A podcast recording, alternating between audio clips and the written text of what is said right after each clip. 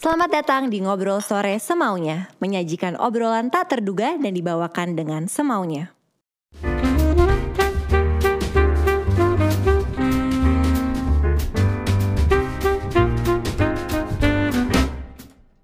Selamat datang di Ngobrol Sore Semaunya bersama gue Putri Tanjung. Hari ini sangat spesial teman-teman Karena hari ini adalah episode ke-50 Ngobrol Sore Semaunya. Gak berasa udah 50 episode menemani kalian semua Dan hari ini super spesial Karena bintang tamunya sangat spesial.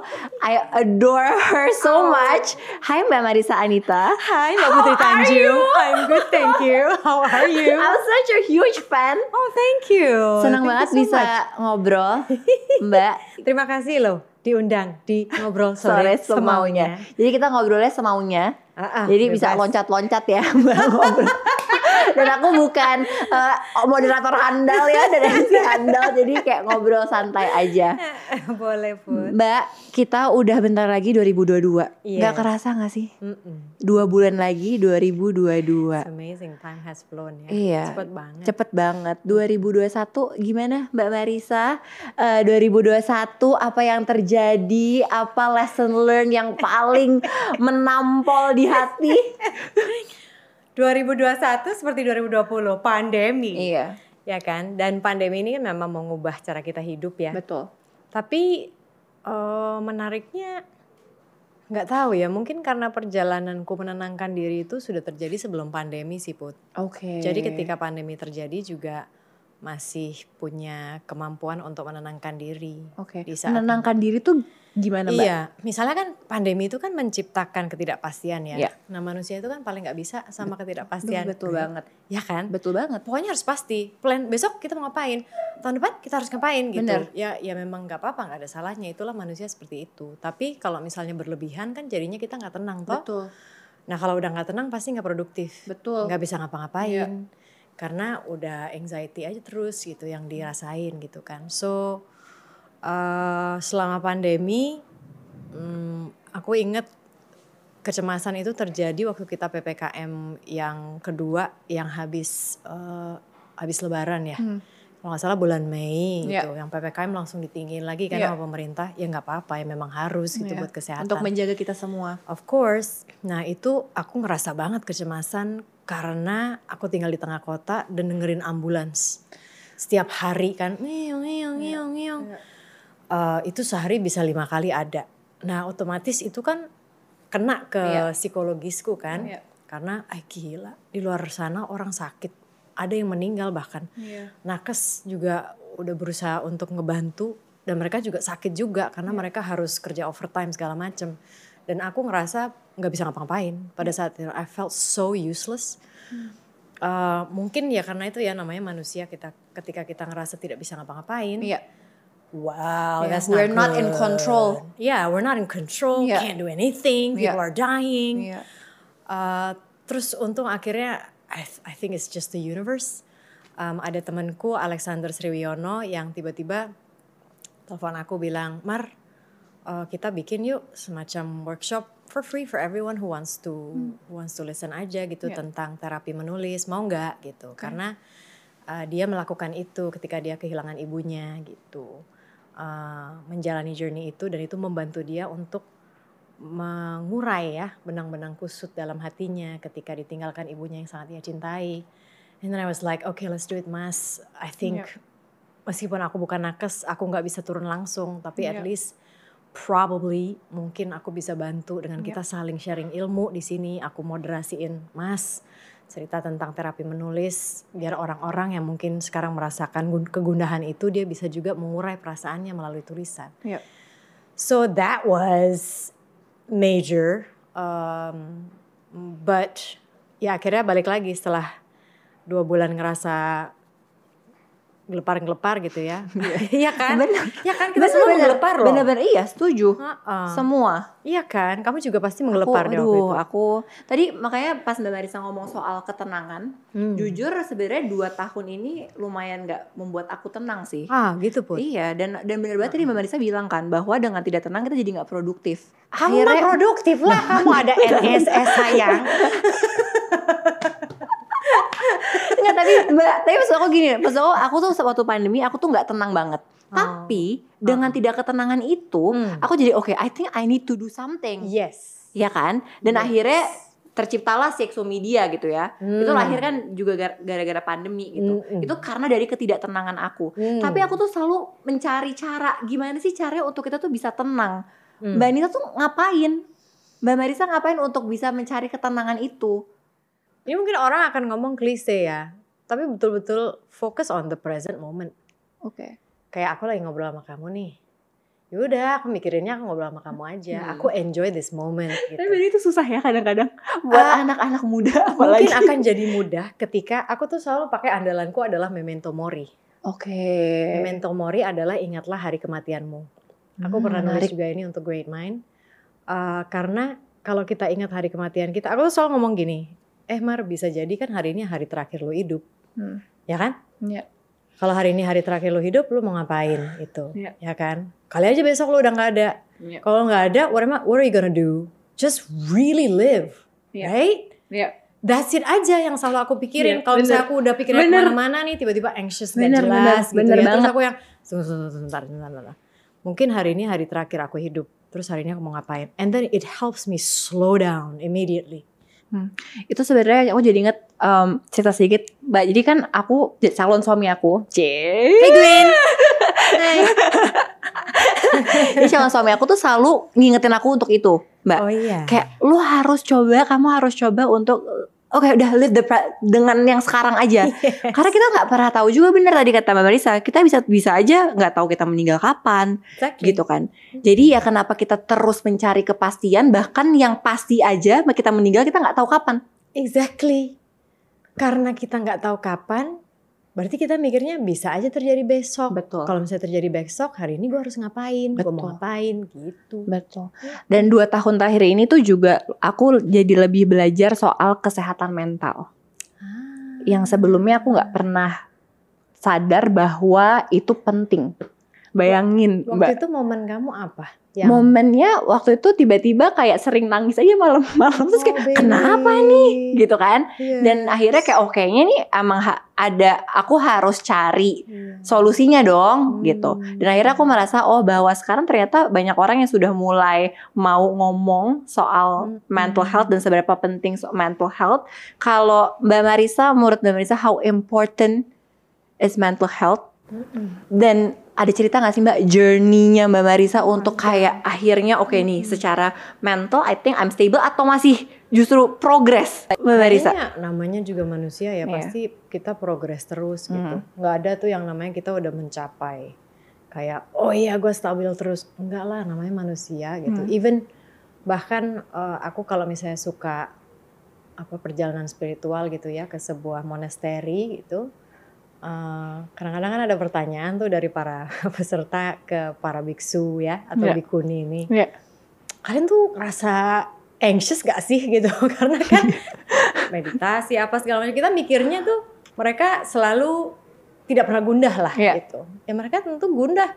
Aku ingat ada satu bikuni namanya uh, Sister Long Nyiem ya. Dia Hmm. basisnya itu di mana ya? Di Thailand, di Thailand. Ada monastery di Thailand namanya Plum Village.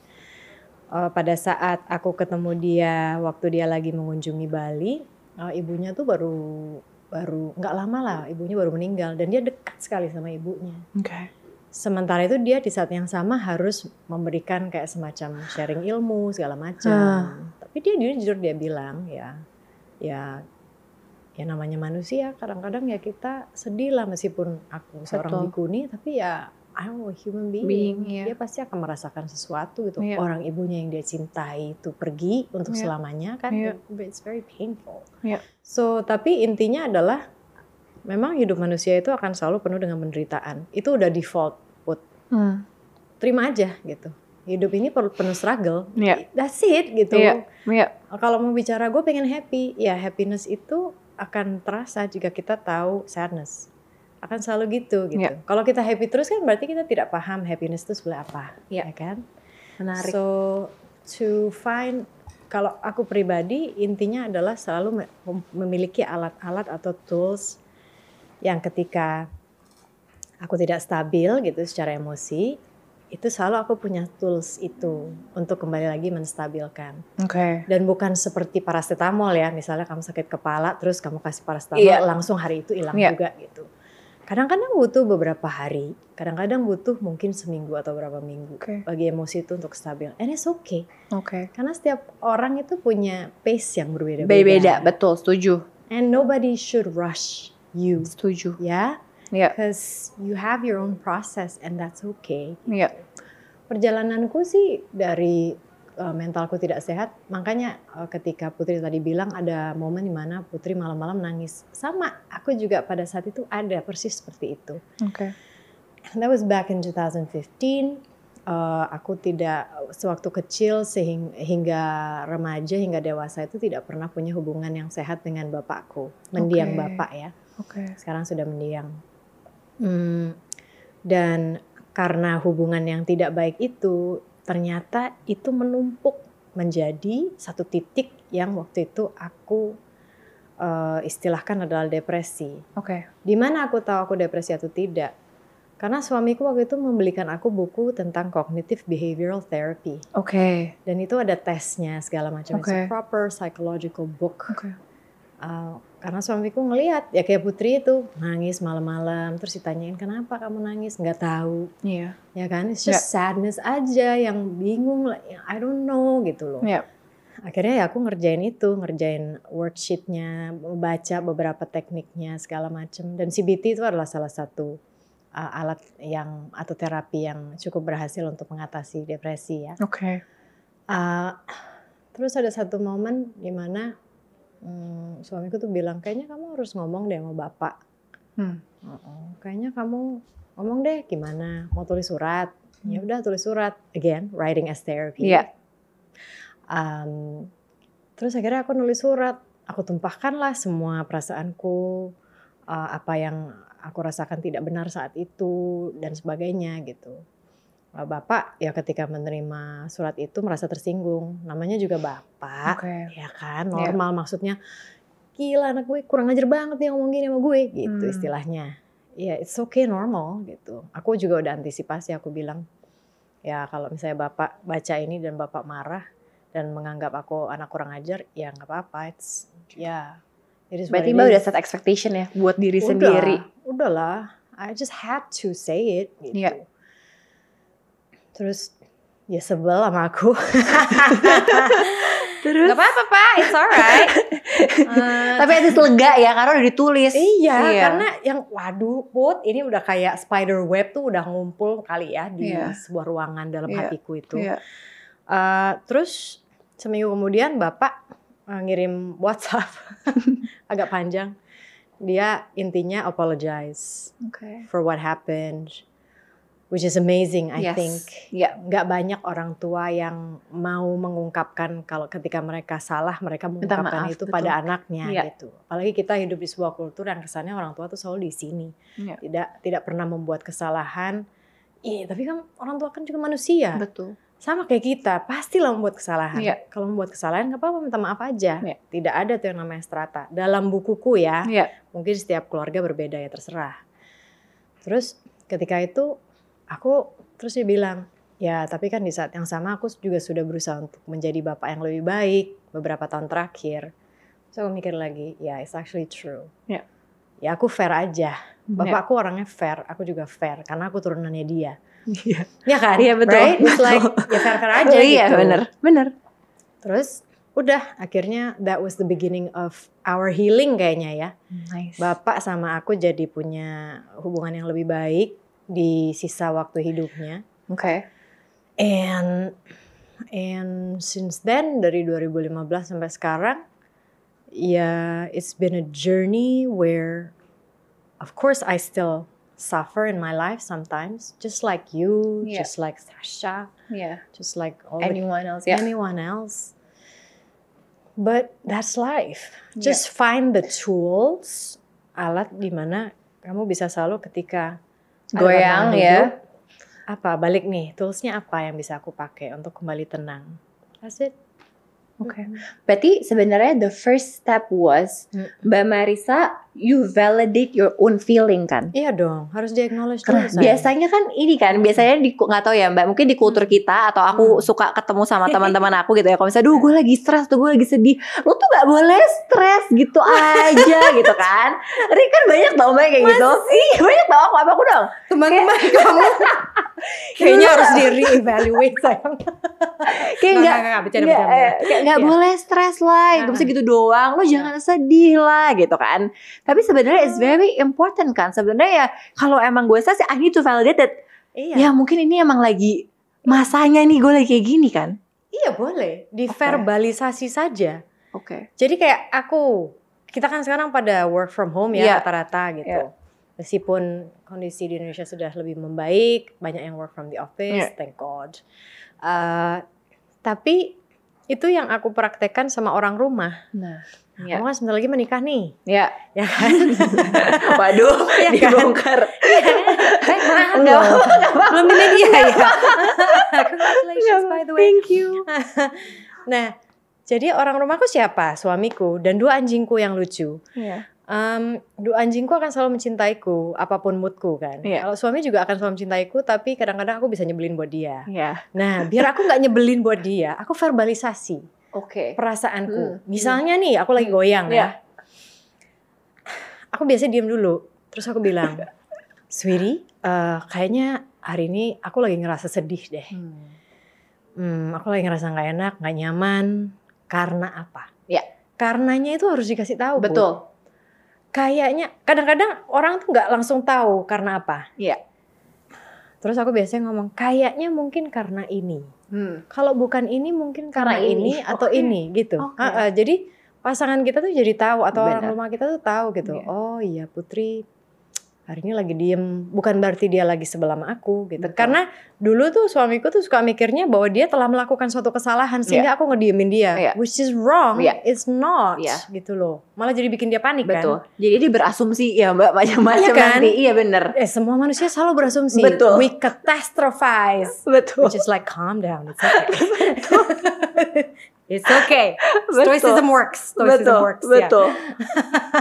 So ya udah. Iya, jadi itu pentingnya mengkomunikasikan Iya, semuanya ya Mbak sama ya? temen juga. Iya, setuju. Bilang aja. Putri temennya siapa? Banyak. Eh, ada Sasha? Sasha. Ah, Sasha. Sasha. Eh Sasha ngeliat, oh Putri diem aja nih hari ini. Sash, gue kayaknya butuh waktu untuk diem dulu deh Sash. Eh, karena gue lagi ngerasa, I don't feel good. Iya. Oke, jadi Sasha kan gak panik. Betul, betul.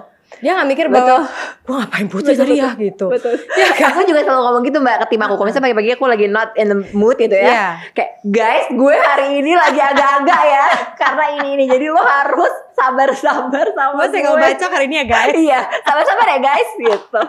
Ya udah kasih hello gitu. Iya, iya. Nah, Mbak, kita sekarang kita flashback sedikit. Iya. Pas kan aku banyak research nih kan soal Mbak Marisa. I think we have something in common. Oh ya? Waktu sekolah, Iya. secara akademis nilainya nggak bagus-bagus banget kan? Masa? Aku, Mbak, Kamu bagus ranking berapa? dulu? Mbak, aku nggak ranking. Jadi maksudnya? Aku nggak, aku Enggak, kamu Oh. misalnya dari 1 sampai 40 siswa. Kamu tuh Aduh, kayak aku empat tiga lima kali ya. kamu masih lebih bagus Apa empat Putri. puluh? Tapi nggak tahu sih Kamu Mbak. masih lebih Ah, nggak, bagus nggak, nggak. Putri. Nggak. Aku tuh selalu Aku marah banget Mbak. Satu sebelum bontot. Ya sama, mirip-mirip. Yes. Underachievers, underdog. tapi tapi sampai kayak, hah kenapa sih gue tuh nggak bisa bisa dibully nggak Mbak Marisa karena itu? Enggak, karena aku dibully. Oh no. Aku dibully. Hah? Aku tuh dibully gara-gara I don't dibully? know. Jadi aku tuh bener-bener dari kecil tuh aku les sampai jam 11 malam. Tapi Kasihan. iya kan tapi I just uh, gitu. loh, kamu tuh anak nggak berprestasi terus kamu dibully. Iya. Gila, tapi teman kamu parah banget. Ini double. Sedih ya? That's so sad. Iya. I'm so sorry for It's you. okay. Tapi aku jadi You okay? oke, jadi kuat sekarang. Oke, terus Iya, teman-teman kamu yang sebelumnya tiba-tiba Iya, sekarang pada Hey, hey, seneng banget. kenal gue kan. Kita kan dulu gini. Iya, dulu kan kita sahabat loh, sahabat dari mana ya? Dulu lo bully gue, sahabat sahabat. Anyway, tapi waktu itu journey-nya gimana Mbak Marisa? Ya, aku sekarang baru tahu. Uh, Oke, saat ada dua faktor sebetulnya yang Oke. membuat diriku itu tidak berprestasi di zaman SD dan SMP terutama ya. Oke, eh sama. SD Ya dan kan? SMP betul. Ya kan? Sama. SMA kamu mulai berubah Udah ya? oke. SMA Karena pindah oke. sekolah. Pindah sekolah. Tepat. Itu juga aku lakukan pindah sekolah. Tiba-tiba kita like brand new gitu orang-orang nggak kenal Hmm. background kita apa. Eh, karena itu SD sampai SMP, kayaknya karena satu, eh, aku nggak tahu dengan sistem pendidikan kita sekarang ya. Tapi yang jelas dulu itu kita eh, tidak didorong untuk bertanya kepada guru. Oke. Karena kalau bertanya nanti dianggap kurang ajar. Nggak usah lah kamu Hmm. tanya, pokoknya hafal-hafal aja gitu. Hmm. Kedua, sistem hafal-hafal. Iya. Aku nggak kuat Aku juga hafal-hafal, ya kan? Kalau aku nggak paham, aku nggak bisa masuk nih Iya. ilmunya gitu. Hmm. Jadi sudah lupakan. Hmm. Terus eh, yang ketiga, enggak deh, oh iya, Oh, iya, tapi ini lebih spesifik sih Put. Eh, kamu ingat nggak dulu ada mengarang bebas? Iya. Benar, ada mengarang bebas. Terus ketika sekolah di kuliah atau sekolah di luar negeri, Iya. mengarang bebas ini tidak diterima. mengarang bebas itu adalah subjek yang sangat buruk, guys. Kita harus ubah ya. Tidak boleh terjadi lagi. Karena susah kalau mau sekolah di luar negeri dapat beasiswa. Iya, langsung berubah sih. Iya benar, kan? benar. Berubah kan. So, for me itu kalau dari sis- sisi sistem pendidikan begitu. Yang aku terima dulu. Oke. Terus yang kedua, aku tuh baru sadar sekarang. Kayaknya aku itu tidak perform waktu sekolah dulu, waktu kecil, karena aku terlalu stres di rumah. Oh, Karena oke. problem rumah tangganya bapak ibuku kan. Oke. Jadi sebagai anak yang hanya melihat dari tinggiku cuma segini dulu, terus ngeliat bapak ibunya bertengkar, itu kan menciptakan stres yang luar biasa. Iya. ya. Ini yang mungkin orang tua juga sekarang harus sadari gitu. Kenapa mungkin orang-orang zaman dulu juga suka bilang kalau berantem jangan di depan anak-anak gitu. Karena itu ngaruh ya. Ngaruh Secara- banget sayang. Itu tuh ngaruh banget. So I had a traumatized uh, childhood. Mm, sehingga otaknya nggak bisa mikir. Iya. Karena sudah penuh dengan rasa takut, Betul. rasa khawatir. Iya. Dan anak kecil kan tidak punya uh, kemampuan untuk verbalisasi apa yang dia rasakan ya. Iya. Yang dia rasakan hanya rasa Jadi takut saja. dipendem semua ya itu waktu kecil. Wes nggak ngerti lah, Ah, Put. iya. Udah dipendem terus nggak nggak ngerti kan, nggak bisa diproses Iya benar. gitu. Aduh. Bawa mau meroses emosi gue Gimana? stabil, Iya, gimana benar. gue belajar. Iya iya iya. Hmm, Ya, jadi ya it's because of that. Oke. Turning point-nya? Gara-gara aku ditolak, eh, nggak bisa masuk SMA Don Bosco 2. Saking gobloknya. SMP nilainya jelek banget. Aku mau masuk SMA sama orang tua aku dibilangin, kamu nggak diterima nak di SMA Don Bosco. Aku pikir saking gobloknya. Terus akhirnya masuk SMK. Oke. Itu pariwisata. Oh oke. di, di Teresia Menteng situ. Iya. Tapi pada saat aku inget banget malam itu lampu mati, Hmm. lagi dinner kan, jadi cuma pakai candles gitu. Hmm. Terus aku kayak merasa dihakimi. Oke. Ketika bapak bilang, ya kamu nggak bisa masuk ini karena kamu gak diterima di SMA Don Bosco. Ya Iya. udah bapak masukin aja kamu di SMK Teresia ya. Anak umur berapa waktu itu berarti? Eh, 14 ya, Iya. eh, SMP ke SMA. Ya, Aku 14 mikirnya gitu. sangat simple gitu. Hah gila kalau gue gak masuk SMA gue pasti akan dianggap goblok selamanya gitu. So, Hmm. gue cuma bisa masuk SMK. Tapi ya mau gimana lagi gak ada yang mau Hmm. terima. Iya. Ya wes aku masuk SMK ternyata. Ternyata. I loved it. Iya. I loved it so much. Aku belajar tentang tourism, something that I loved. iya. Dari kecil aku dulu suka Hmm. nonton Discovery Channel, ada Iya. travel program. Kemudian uh, I love languages, foreign languages. Dari Iya. kecil aku nonton film-film berbahasa Inggris, bahasa Mandarin, bahasa Jepang, whatever, you know. And then I did all that. And I was flourishing, finally. Langsung ya. Kayak, Oh, gila, jadi- gue ketemu tribe gue ini, Iya. Gitu. Di right place. Kalau kamu dulu gimana? Ya aku akhirnya waktu aku SMA kan aku pindah ke Singapura. Nah, Nah tapi ternyata aku tuh suka banget berorganisasi. oh. Dan dari SMP tapi gara-gara aku dibully sis, Oh. aku akhirnya pas waktu SMP ya, akhirnya aku tahu nih passion aku apa. Uh-uh. Akhirnya adalah berorganisasi dan bikin event. Jadi aku bantuin event sekolah apa gitu-gitu. Nah akhirnya itu adalah when I started my first business when I was 15. What? Bikin event organizer. Gemes banget. Nah itu dia makanya kayak oh mungkin emang uh, dibully itu menjadi Yes. semangat gitu ya untuk akhirnya aku menemukan passion aku. Berarti waktu Mbak Marisa SMK itu berarti jadi titik di mana Mbak Marisa tahu bahwa your passion itu ada di media dan jurnalistik ya berarti. Kalau Atau i- itu eh, sebetulnya nggak ada hubungan sama sekolahku saat itu ya, Oke. tapi di formative years ya, berarti Iya. eh, formative years aku itu aku memang suka banget baca majalah. Oke. Jadi aku sering eh, apa sering sekali beli majalah, tapi Oke. majalah-majalahnya tuh majalah-majalah eh, apa luar. Oke. Karena sekalian latihan bahasa Inggris, Inggris ya kan. iya bener. Gue inget banget tuh beli Seventeen. Wah, harganya kan mahal waktu itu uang jajan dipakai buat beli Seventeen Iya iya gitu. iya. Terus akhirnya I was like, ah gila ya. Dunia majalah kayaknya berwarna sekali Sekali, gitu. iya. Super colorful. I Iya. love it. Like photos, articles and all that. Akhirnya aku memutuskan eh, untuk sekolah lagi. Iya. Sekolah media kali ini, sekolah journalism Iya. di Sydney. Iya. Tujuannya sebenarnya untuk gue mau balik dan gue kerja buat majalah. Tidak terjadi. Jadi. oh well, alright. Terus habis itu S2 lagi. Oh itu tahun 2016 Iya, sayang. iya. Mm-mm. Oke. Iya. Jadi habis S1 selesai pulang ke ke Jakarta. Enggak, S1 aku kan di sebentar, Sudirman, Atmajaya. Oke. Atmajaya Sudirman Iya. ngambil mm, teaching English for uh, no, Oh. teaching English as second language. Jadi Oke. sebagai guru bahasa Inggris. Lulusnya tuh sebagai guru bahasa Inggris. Oke. Setelah aku kerja sebagai guru bahasa Inggris 9 bulan, Mm-mm. terus aku memutuskan untuk kayaknya gue pengen nih S2 tapi kali ini di journalism gitu. Tapi emang Oke. dari dulu nggak tahu kenapa ya. Aku pengen sekolah tinggi gitu. Mungkin karena ibu ya. Iya. Ibu hidupnya berbeda sekali sama diriku. Iya. Dan ibu selalu bilang, "Ya, kamu nanti kalau udah besar kerja, pokoknya kamu harus kerja, terus sekolah tinggi segala Iya. macam gitu." Jadi mungkin karena itu sudah tertanam dalam alam bawah sadar, Oke.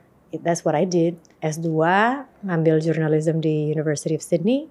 Terus setelah sekitar 8-9 tahun sudah kerja di media, Ya. ah, memutuskan untuk, ah kayaknya gue harus upgrade nih. Apa sih ini namanya digital media, digital media. gue Yes, harus ngerti yes, nih yes, gitu. yes. Itu. So, bentar. Tadi kan kita udah lagi ngomongin soal Panjang lah.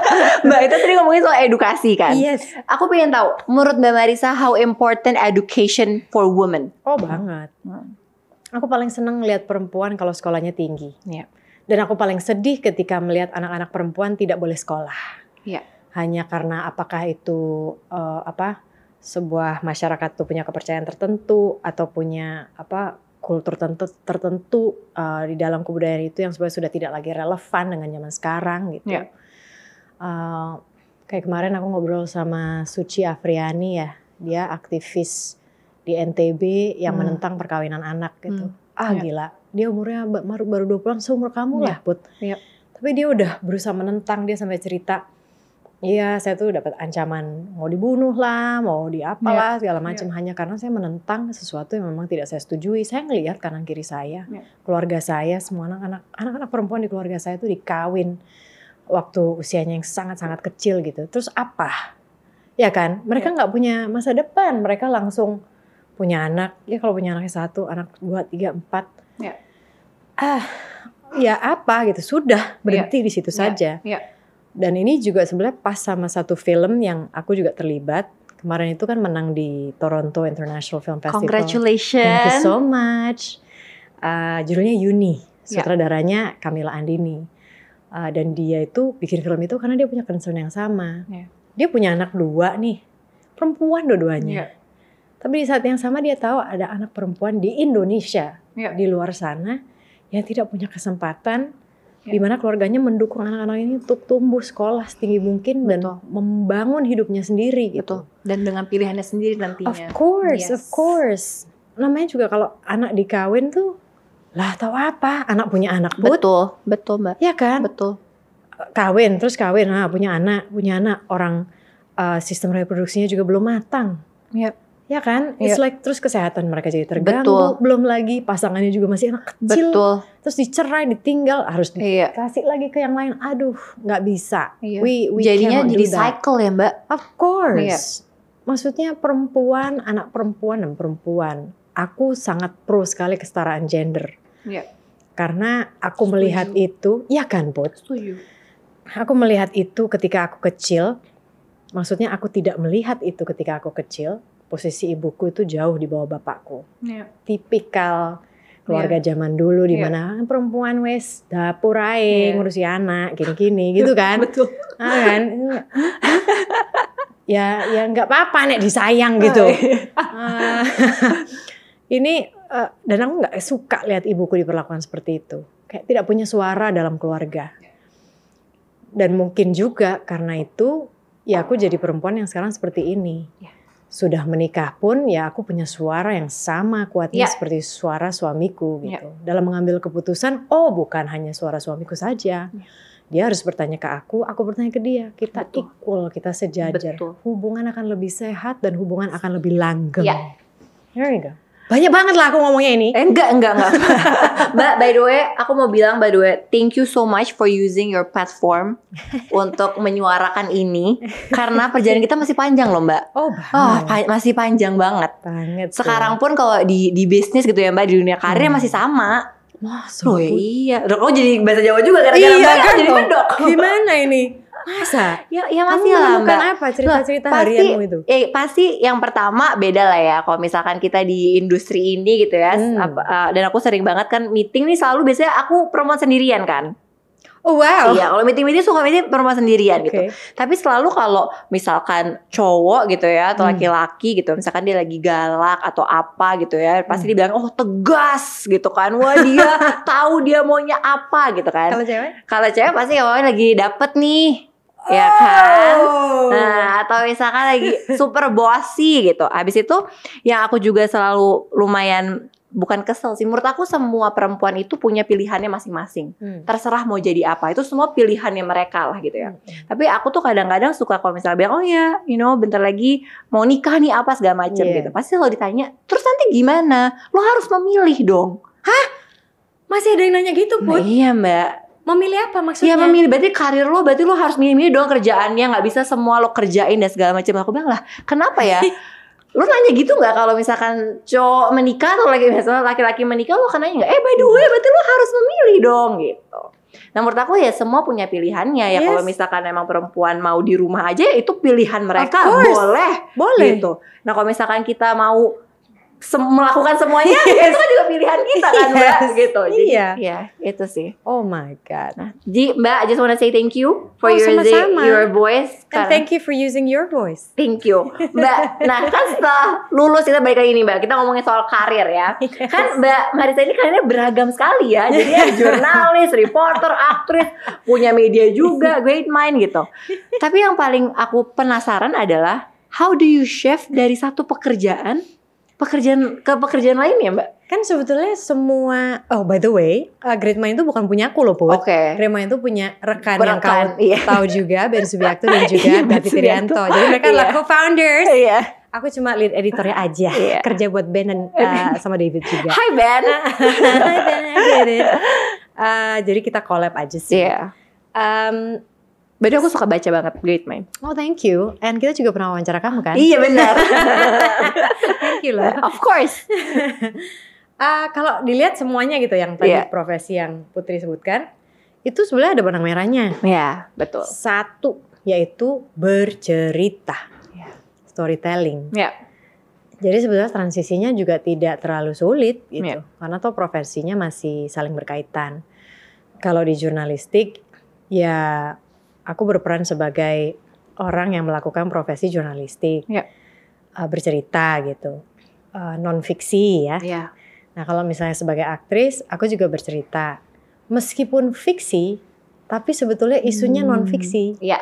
ya kan? Iya, betul. Betul. Kayak Yuni gitu. Oh ya fiksi. Aku berperan sebagai seorang guru, ibu Lis, yang selalu mendorong Yuni untuk ayo sekolah nak. Iya. Kamu jangan melihat kanan kiri teman-temanmu udah dikawinin semua. Kamu ayo sekolah-sekolah. Iya. Ah, tapi isunya kan isunya betulan. Betul. Isunya Indonesia loh. Iya. Banyak anak-anak perempuan Indonesia yang Betul. dikawin muda. Iya. Apakah ya apakah karena ya udahlah anak perempuan kalau misalnya dikawinkan kan jadi tidak jadi beban ekonomi keluarga. Kan beban ekonominya ke keluarga itu gitu. Ya tanya dulu dong sama anaknya mau apa enggak sebetulnya, ya Iya. kan? Eh, ya itu sih, dua-duanya bercerita. Oke. Mm-mm. Tapi paling kalau paling enjoy profesi yang mana? Dua-duanya sayang. Semua ya, dua-duanya Jujur. ya. Karena kalau aku punya dua ini ya, ya namanya juga manusia kadang ada titik jenuh, Ya, betul. ya kan? Betul. Kalau yang dikerjain satu ini terus, pasti ada titik jenuh suatu Iya. hari. Ya kita harus cari cara gimana nih biar biar aku tetap mencintai yang aku lakukan yang di sini. Ya pindah dulu ke film. Film udah yang puas, puas, puas. Ya jangan film terus gitu, pasti akan jenuh gitu. Iya. Nah, balik lagi makanya aku selalu see. di-combine dan aku belajar ini dari dari Mas Handri, Bang Handri Satriago, Hmm. CEO General Iya. Electric Indonesia Iya. ya. Kamu kenal Iya, ya? Kenal, kenal. Nah, there you Iya. go. Dia bilang, Marissa, you have to do things in parallel. Pada saat Itu itu aku kayak, what do you mean? Tapi akhirnya aku lakuin dan it's like, ah Bang Henry, you're right. Jadi nggak jenuh ya, Mbak. Ah, jadi gitu karena ada, Selalu ada. betul. Ya kan Bang Henry kan oke dia COG, but Iya. at the same time dia nulis lah. Iya, betul. Dia ngasih kelas-kelas bisnis gratis lah buat Iya, orang kayak kita-kita begini Benar, benar, gitu. benar banget. Tapi juga jangan kebanyakan ya. Ya, Nanti jangan nih. Jangan Iya, kebanyakan. Don't spread yourself too Betul, thin. Karena betul. nanti gak ada kedalaman. Pilih Nah, dua aja. Itu dia, itu penting banget. Mm-mm. Penting banget. Nah, Mbak, dari semua proses membangun karir hingga Mm-mm. sampai saat ini, value apa yang selalu Mbak Marisa pegang? Persistence. Hmm. ya kegigihan kayaknya Iya. Ke- karena kegigihan itulah yang bikin kita meskipun banyak tantangannya namanya kerja atau menjalani hidup pasti banyak tantangannya Iya. Yang dimarah-marahin produser lah yang apalah semua itu pernah aku rasain Eh, dan pada saat aku dimarahin produser saya itu aku sebel karena ya seperti biasa lah ego ya Iya, ego benar. kita semua kita semua punya ego bener, gitu Bener. tapi kan produser marah-marahin aku kan memang buat kebaikanku juga sebetulnya. Ya, ya. Ah, kalau aku reflect back, ya produser yang marah-marahin aku itu tidak memupuskan eh, perjuanganku untuk terus maju gitu, terus menjalani profesi yang sudah aku jalani selama ini gitu sih. Oke. Eh, ya kan zaman sekarang itu aku nggak tahu kenapa ya, mungkin karena generasi muda zaman sekarang. Correct me if I'm wrong, Put. Iya. Karena kan you're part of that generation juga. Iya. Kalau aku kan milenial tua ya. Iya. ya asli aku milenial tua. Uh, Aku masih Gen Z loh. Iya kan, kamu Iya, Gen Z kan? Gen Z. Makanya aku pengen tanya deh. Is it true that uh, generasi milenial dan gen- generasi Z ini uh, istilahnya uh, hatinya tuh uh, cepat rapuh gitu, Ya. sehingga kalau dimarahin tuh langsung kayak ngerasa kecil banget. Iya. Itu bener gak sih? Um, kayak ngerasa aduh gue udah gue jelek banget gitu udah deh Iya, gue iya. pindah aja deh daripada Iya, iya. gue gue gak kuat soalnya dengerinnya gitu Iya, iya. Aku setuju sih mungkin mbak. Hmm. Karena gini kali ya. Karena kita kan ada di di era di mana kita dekat dengan social media apa Hmm. segala macam kan. Hmm. Ya kita kan sering compare diri kita sama orang lain dan segala macamnya. Hmm. Kita mendapatkan komen dari orang yang kita nggak kenal dan segala macam segala macam kan. Yes. Sometimes maybe itu too much gitu. Dan mungkin karena em, generasi kita, aku bilang nggak semuanya ya, Yes. tapi em, mungkin merasa oh dengan ada teknologi dan segala macam jadi serba instan. Hmm. Kadang-kadang kita melupakan proses. Yes. Nah di proses itu kan kita juga harus Hmm. mendengarkan kritik, Hmm. harus membangun diri gitu-gitu kan. Mm-mm. Bahkan nggak semuanya up terus ya. Iya, ya udah, udah, Forget udah. 30 under 30 Pasti all iya, that list. benar, eh, Forget. Ada kegagalan apa dan segala macam gitu. Tapi Iya. yang aku rasakan adalah itu sih Mbak. Mungkin kita harus lebih menghargai proses itu ya. Iya. Gitu sih. Iya, aku sepakat. Kamu merangkumnya dengan sangat baik. Terima kasih. Itu yang aku juga rasain sih. Iya. Mungkin karena terlalu banyak lihat kanan kiri ya. Iya. Terlalu banyak suara Iya. yang Nah, dibiarkan masuk ke kepala. Benar. akhirnya kesannya kri- eh, kritik sedikit pun tuh rasanya tuh kayak habis ditonjok gitu loh. Betul, Put. betul. Dan I like your point about process. It's Iya. so true. Iya. Segala macam dan itu memang ada kaitannya sama sosial media. Iya. Yang di sosial media yang pasti kita posting pasti bagus-bagus semua. Benar. Nah, itu dia. Ya kan? Iya. Ya memang itu again uh, human nature. Iya. Bahkan ada satu studi yang dilakukan oleh Irving Goffman, dia seorang sosiolog uh, sosiolog ya. Iya. Uh, dia punya konsep namanya the idealized self. Oke. Dan ketika itu dimasukkan ke sosial media, ya itu dia manusia itu suka menunjukkan sisi yang paling ideal ketika Iya. dia di depan publik. Iya. Nah, sosial media itu kan publik sebetulnya. Betul. Tapi yang harus kita hati-hati juga itu bahwa ya karena kita tahu itu manusia tuh selalu suka ngasih lihat yang bagus-bagus aja, Iya. ya kita harus paham bahwa hidup dia tuh pasti tidak se sesempurna apa yang dia Betul. kasih lihat di sosial Betul. media gitu dan Betul. itu yang perlu kita ingatkan ke diri setiap hari bahwa Betul. hidup gue nggak miserable juga gitu Betul. loh ya Dan, kan dan kadang-kadang kita suka lupa gak sih Mbak bahwa semua orang tuh punya timelinenya masing-masing. Jadi ngapain ngejar-ngejar? Yes. Mungkin emang beda timelinenya gitu. iya kan? Iya bener banget. Iya. itu juga challenge sih makanya aku nggak punya nggak punya Instagram lebih tepatnya ya. Gak punya Instagram ya. Mbak Marisa gak punya Instagram. Because I'm only human. Iya. I'm the same. Iya. Maksudnya aku memutuskan tidak mau punya Instagram dan kuat untuk tidak punya Instagram karena gue itu juga rapuh di dalam. Iya. Gue pasti akan membandingkan diri gue dengan my peers gitu. Iya. Dan gue nggak mau ngerasa Iya. jadi ngerasa nggak nggak asik sama peers gue hanya karena gue sendiri nggak asik di dalam gitu kan ya gak sih Put? Iya bener-bener. Tapi berarti gak punya Instagram tuh juga termasuk ini ya Mbak Ketenangan kan? Akhirnya tenang Banget. jadi lebih tenang gitu kan? Absolutely karena Nah, udah iya. gak usah lihat kanan kiri udah pokoknya lo kerja bener Betul. kerja keras jangan lupa juga have fun ya Betul. have fun kerja keras have fun kerja keras. Udah gak usah lihat kanan kiri. Betul, lu lihat kanan kirinya lu ketemu sama temen lu eh put Bener. ngopi ha yuk Iya gitu. bener Sama bersyukur exactly Nah, ya Mbak oke sebelum kita akhiri Wow. Ngobrol-ngobrol kita Udah, Aku udah nggak baca satu jam Kita main game dulu yes Ini namanya adalah jawab semaunya. Ini Uh-uh. kita ada kartu dari kolaborasi ngobrol sore semaunya sama uh, dengan tentang kita. Jadi ada beberapa pertanyaan. Jawab cepat ya, sis. wah sulit nih kalau jawab cepet nih Are you ready? That's okay Let's Oke. do it. Yang pertama. Hal pertama yang terlintas di pikiranku saat bangun tidur di pagi hari. Aku bersyukur aku masih hidup. Hmm. Ceritakan tindakan paling unik yang pernah kamu lakukan ketika masa kecil. Aduh, Apa pun yang tiba-tiba pop up di pikiran Mbak Marisa. nyebrang jalan sendirian umur 6. Iya. Kita semua pada. Iya. Gimana ceritanya? Jadi ibuku dulu punya toko di mall. Di Mall Kelapa Gading. Terus rumahnya ibuku tuh di seberangnya gitu. Terus ibuku tutup toko, aku masih di mall. Terus, pas aku balik ke toko, oh tokonya udah tutup, ya udah aku pulang. Dan aku jalan sendiri, nyebrang sendiri. Ya ampun, Mbak. Anak zaman dulu.